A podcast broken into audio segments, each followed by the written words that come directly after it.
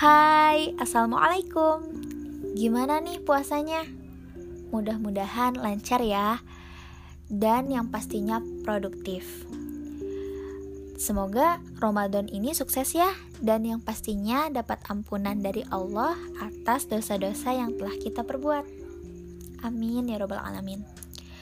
Di podcast kali ini, aku mau sharing dan bercerita tentang the real friend atau teman sejati atau sahabat lah ya. Jadi, ini bahasan yang isinya bakal banyak cerita dan ya, suka duka dalam berteman itu gimana? Khususnya aku yang mungkin mempunyai teman sejati itu bisa dihitung dengan jari lah ya Oke, sebelum ke situ aku mau ngejelasin dulu sesuatu.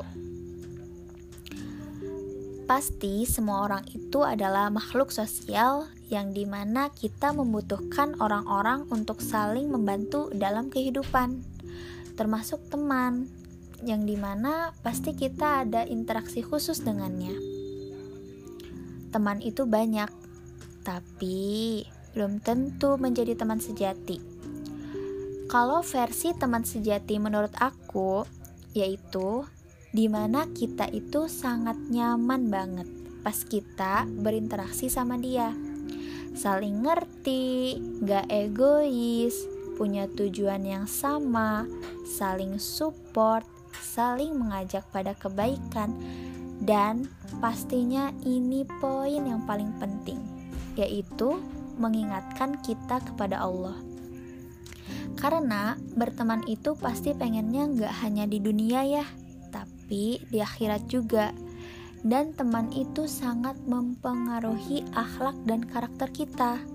Seperti pada hadis riwayat Abu Daud nomor 4833 yang berbunyi, Seseorang akan mencocoki kebiasaan teman karibnya. Oleh karenanya, perhatikan siapa yang akan menjadi teman karib kalian. Dan Nabi Shallallahu Alaihi Wasallam juga mengajarkan kepada kita agar bersahabat dengan orang yang dapat memberikan nasihat untuk kita.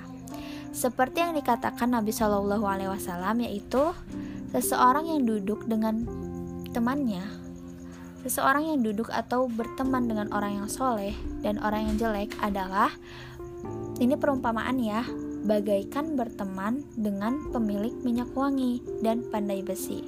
Wah, ini hadisnya familiar banget.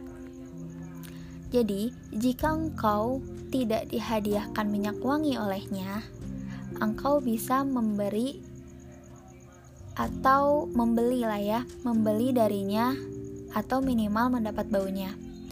Adapun berteman dengan pandai besi, jika engkau mendapati badan atau pakaianmu hangus terbakar, minimal engkau mendapat baunya yang tidak enak.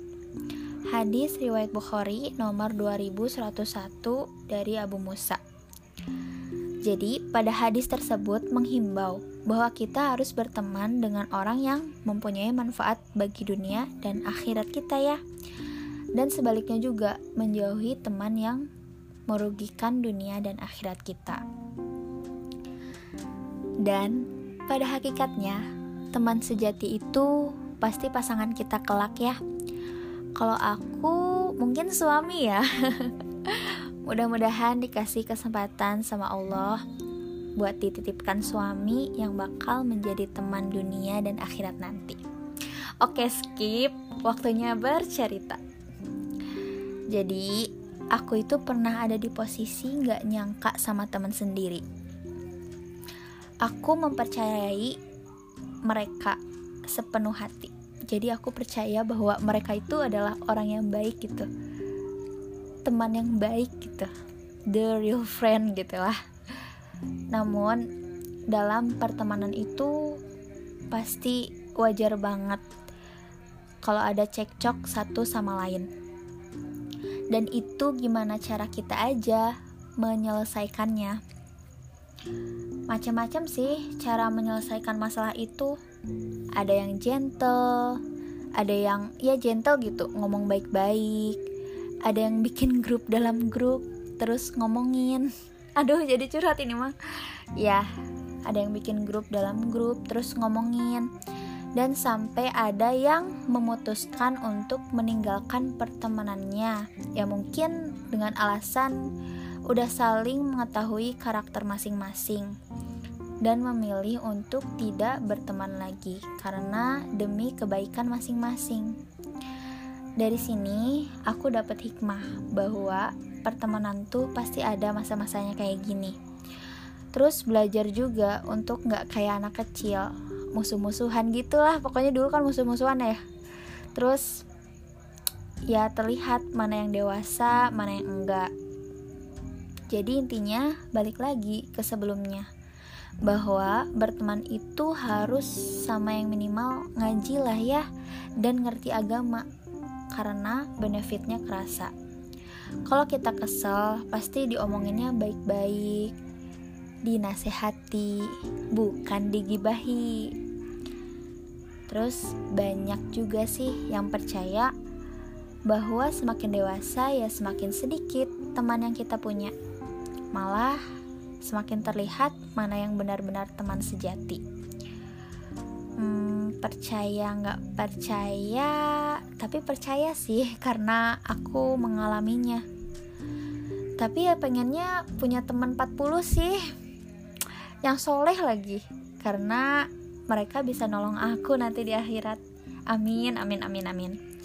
Tapi emang sih susah banget nah makanya dari itu aku tuh ikhtiar untuk selalu ke kajian karena di sana tempatnya orang-orang soleh pasti pengen bener bareng gitu dan yang pastinya aku selalu berdoa sama Allah untuk didekatkan kepada orang-orang yang mengingatkan aku di jalannya dan sama-sama ingin menjadi orang yang lebih baik lagi.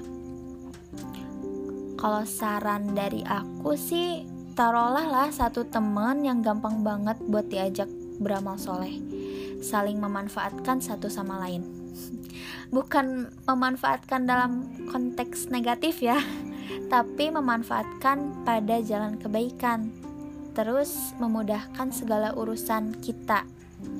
Nah, itu yang ingin aku bagikan. Segitu aja paling. Semoga kita didekatkan kepada orang yang selalu support di situasi apa pun ya. Oh iya, ada tambahan lagi.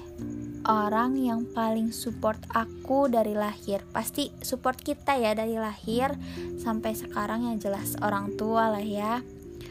Kalau aku sih khususnya ya lebih deket sama mama gitu. Mama itu jadi temen aku lah.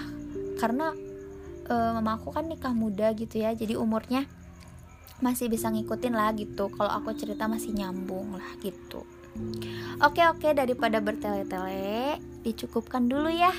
Terima kasih pendengar yang baik. Sehat-sehat dan lancar terus puasanya. Uh, sekian dari aku. Assalamualaikum warahmatullahi wabarakatuh